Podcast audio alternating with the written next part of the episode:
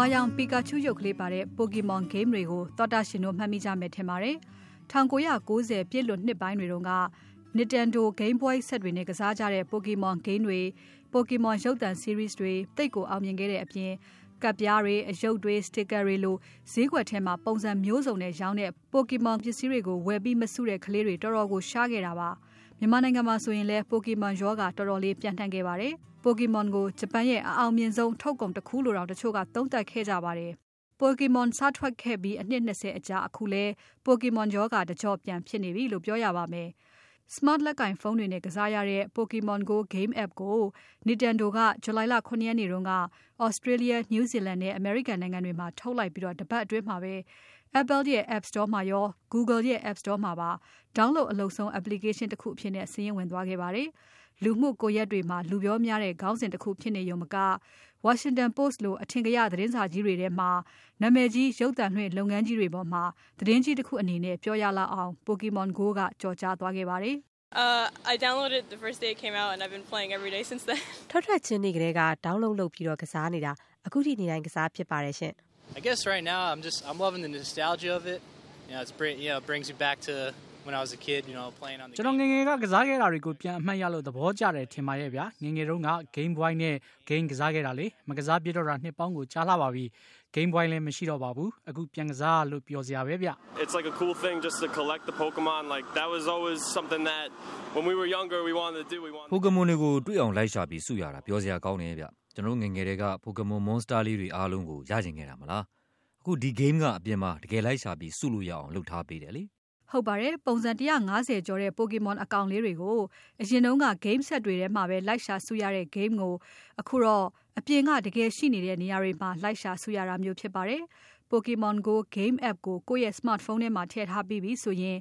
ဘယ်လမ်းနေရာ ဘယ်အဆောက်အဦဘယ်ပန်းခြံမှာတော့ဖြင့် Pokemon အကောင့်လေးတွေကို လိုက်ဖမ်းလို့ရတယ်လို့ game ကပြောတာမို့ အဲ့ဒီနေရာတွေစီကို ကစားသူက တကယ်သွားပြီးတော့ရှာရတာပါ။ ဖုန်းရဲ့ GPS လမ်းညွှန်တဲ့ ကင်မရာကိုသုံးပြီးတော့လိုက်ရှာကြရပါတယ်။ကစားသူက ဖုန်းရဲ့ screen ကိုကြည့်နေရပြီးတော့ Pokemon အကောင့်လေးတွေ ဖုန်းပေါ်မှာ ပေါ်လာရင် ရအောင်ဖမ်းရတာပါ။ Pokemon Go game ကနေ အကောင့်လေးတွေ ရှိနိုင်တယ်လို့ ပြောထားတဲ့ နေရာတစ်ဝိုက်မှာ တကယ်ရှိတယ်ဆိုရင်တော့ phone screen ပေါ်မှာ Pokemon အကောင့်လေးတွေ ပေါ်လာပါတယ်။ အဲ့ဒီလိုတွေးနိုင်ဖို့အတွက် game ကစားကြသူတွေက ဖုန်းကိုပဲ အာရုံစိုက်ကြည့်နေကြလို့ ထိမိ တိုက်မိကြတဲ့သူတွေလည်း မနှဲပါဘူး။ New York မြို့မှာဆိုရင် Pokemon Go game ကစားကြသူတွေ တယောက်နဲ့တယောက် ခဏခဏ တိုက်မိကြပါတယ်တဲ့ Well, actually yesterday I, I was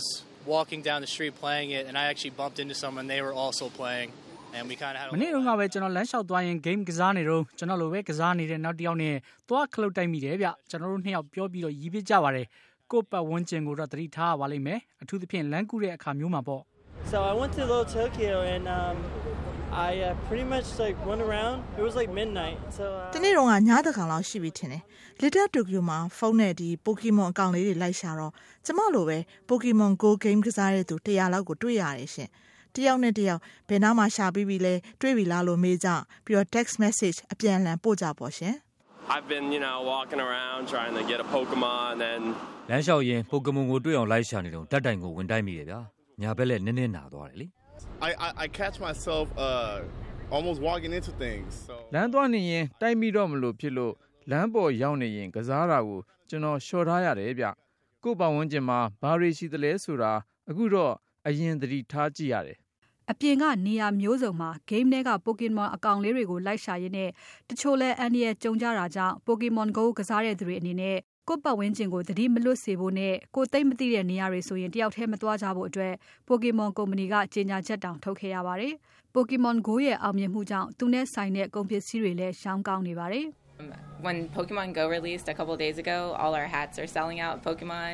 When Pokemon Go released a couple of days ago, all our hats are selling out Pokemon. Pokemon Go စထွက်တဲ့ရေတုံကဆို Pokemon နဲ့ပတ်သက်သမျှအုတ်ထုတ်တွေအယုတ်တွေအားလုံးအယောင်းကုန်သွားတယ်ရှင်။ဂိမ်းကစားပြီးဂိမ်းတွေကအတိုင်းအသုံးဆောင်တွေလိုချင်ကြတယ်ထင်ပါတယ်ရှင်။ online ပေါ်မှာချိတ်ဆက်ကစားရတဲ့ Pokemon Go game သစ်ကိုကစားသူတွေများလွန်းတဲ့အတွက် game online server လဲ crash ဖြစ်သွားခဲ့လို့ game ကိုထွင်ပေးတဲ့ Niantic Inc. software ကုမ္ပဏီက server ကို update လုပ်ခဲ့ရတဲ့အပြင်တခြားနိုင်ငံတွေမှာထုတ်မဲ့အစီအစဉ်ကိုလည်းခဏဆိုင်းထားရပါတယ်။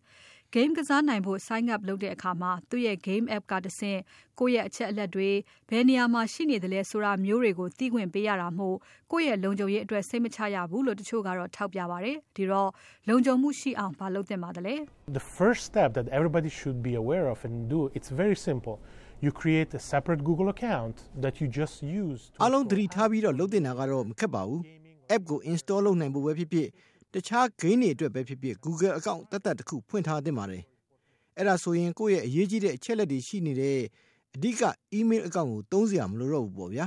Red Elk လုံခြုံရေးကုမ္ပဏီရဲ့ဤပညာလုံခြုံရေးဆိုင်ရာကျွမ်းကျင်သူ Jonathan Rubini အကြံပေးသွားတာဖြစ်ပါတယ်။ Game app ထွက်ပြီးရက်ပိုင်းအတွင်းမှာကိုသတင်းတွေထဲမှာဖော်ပြရလောက်တဲ့အထိကြော်ကြားခဲ့တဲ့ Pokemon Go game ကြောင့် Nintendo ကုမ္ပဏီရဲ့တန်ဖိုးကတော့ဒေါ်လာ9ဘီလီယံကျော်အထိပိုတန်ဖိုးတက်သွားခဲ့ပါတယ်ရှင်။